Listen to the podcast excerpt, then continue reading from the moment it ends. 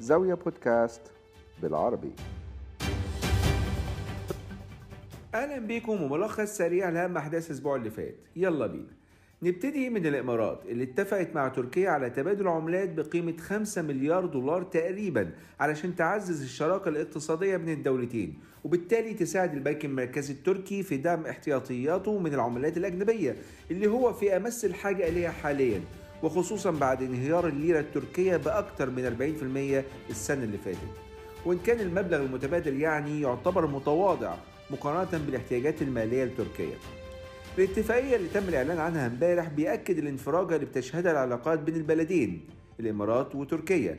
أما بالنسبة للصفقة واللي هتكون سارية لمدة ثلاث سنوات مع إمكانية تمديدها هي عبارة عن تداول الإمارات 18 مليار درهم يعني حوالي 4.9 مليار دولار أمريكي مقابل 64 مليار ليرة تركية. يعني تقريبا سعر ضمني 13 ليرة تركية للدولار الأمريكي.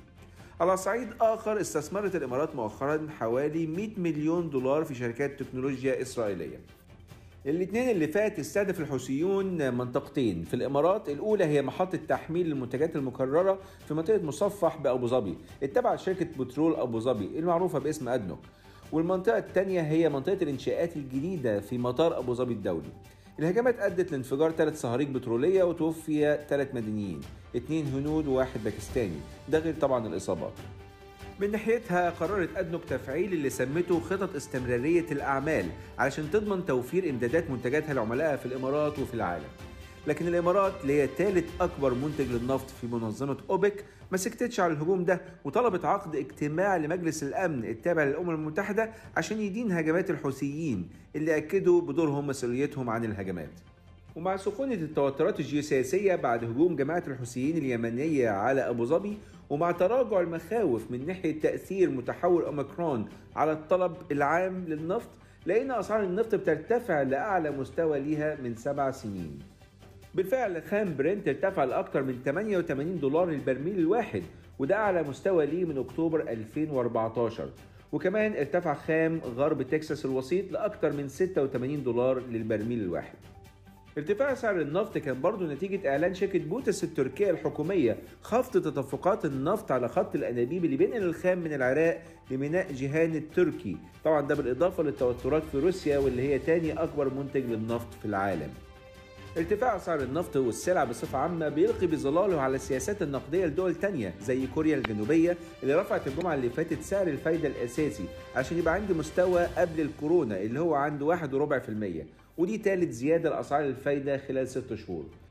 أما في كندا والمملكة المتحدة فالتضخم السنوي ارتفع في ديسمبر عشان يوصل لأعلى مستوى ليه في 30 سنة. من ناحية كندا مؤشر أسعار المستهلكين ارتفع بنسبة 4.8% على أساس سنوي في ديسمبر. يعني أسرع شوية من الارتفاع بنسبة 4.7% في نوفمبر وإن كانت القراية متوافقة مع توقعات السوق. آخر مرة التضخم السنوي في كندا عدى ال 4.8% كان في سبتمبر 1991 لما ارتفع بنسبة 5.5% كل ده هيزود الضغط طبعا على بنك كندا علشان يبتدي يرفع أسعار الفايدة ممكن يكون بدري عن المتوقع. من ناحية المملكة المتحدة أسعار المستهلكين ارتفعت برضه بأسرع معدل سنوي ليها خلال 30 سنة. أسعار المستهلكين في المملكة المتحدة ارتفعت بنسبة 5.4% في ديسمبر مقارنة بالعام اللي قبله. وتعتبر دي طبعا أكبر قفزة سنوية من مارس 1992 وكل ده لقينا الصين بتأكد المخاوف بخصوص زخم النمو فيها السنة دي. بالفعل خفض البنك المركزي الصيني الاثنين اللي فات مجموعتين من أسعار الفايدة. وده اللي بيعزز التوقعات بخفض إضافي لمعدلات الإقراض القياسي في الصين. بنك الشعب الصيني كان خفض سعر الفايدة الرئيسي للإقراض الشهر اللي فات بعد ما تعهد القادة هناك إنهم يدوا أولوية لاستقرار النمو السنة دي. بس الاقتصاد الصيني حقق نمو حوالي 8.1% السنة اللي فاتت مع عودة الطلب على البضائع الصينية مش بس كده ده كمان تجاوز مستهدف النمو الرسمي لبكين واللي هو 6% وأكتر في السودان بقى بنتكلم عن معدلات تضخم تانية خالص. معدل التضخم في السودان ارتفع من 163% في 2020 ل 359% في 2021 وفي مصر الرئيس المصري عبد الفتاح السيسي وجه بحزمة علاوات بإجمالي 45 مليار جنيه منها زيادة الحد الأدنى لأجور العاملين بالقطاع الحكومي علشان يبقى 2700 جنيه. وده حسب مشروع موازنة العام المالي الجديد 2022-2023 واللي هيبدأ يوليو الجاي إن شاء الله. بكده دي تكون الزيادة الرابعة من بعد تولي السيسي الحكم في 2014 ونروح لتونس قرر الرئيس التونسي قيس سعيد تمديد حالة الطوارئ في البلاد لمدة حوالي شهر من النهاردة 20 يناير لحد يوم 18 فبراير الجاي. والسبب؟ مواجهة الانتشار السريع لفيروس كورونا. ده السبب الحكومي ولكن المعارضين بيقولوا إن الهدف هو وقف الاحتجاجات في البلاد. وننهي البودكاست بأخبار التوترات بين روسيا وأوكرانيا. وزير الخارجية الأمريكي أنتوني بلينكن كان زار أوكرانيا علشان دعمها قدام مخاوف من غزو روسي محتمل مع دعوتها لتهدئة التوترات عشان تقلل الحشداء العسكري على الحدود الأوكرانية. لكن الخوف إن روسيا طبعا تكرر اللي عملته قبل كده في 2014 لما هجمت أوكرانيا عشان تسيطر على شبه جزيرة القرم. بلينكن قال في اجتماعه مع الرئيس الأوكراني إنه وضح لموسكو إن لو اختارت العدوان على أوكرانيا هتواجه عواقب وخيمة للغاية.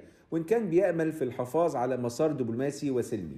ومن المقرر إن بلينكن يقابل وزراء خارجية ألمانيا وفرنسا وبريطانيا النهارده إن شاء الله في برلين علشان يكون في موقف موحد مع حلفاء الولايات المتحدة بخصوص العقوبات المالية المحتملة اللي ممكن يتم فرضها على روسيا لو اعتدت على أوكرانيا.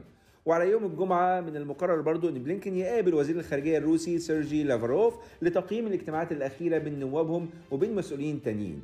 لسان حال الأوكرانيين دلوقتي يا ترى الروس قادمون ولا سيبقى الوضع كما هو عليه؟ كان معاكم عمرو حسين الألفي من زاوية تحياتي لكم والسلام عليكم ورحمة الله وبركاته.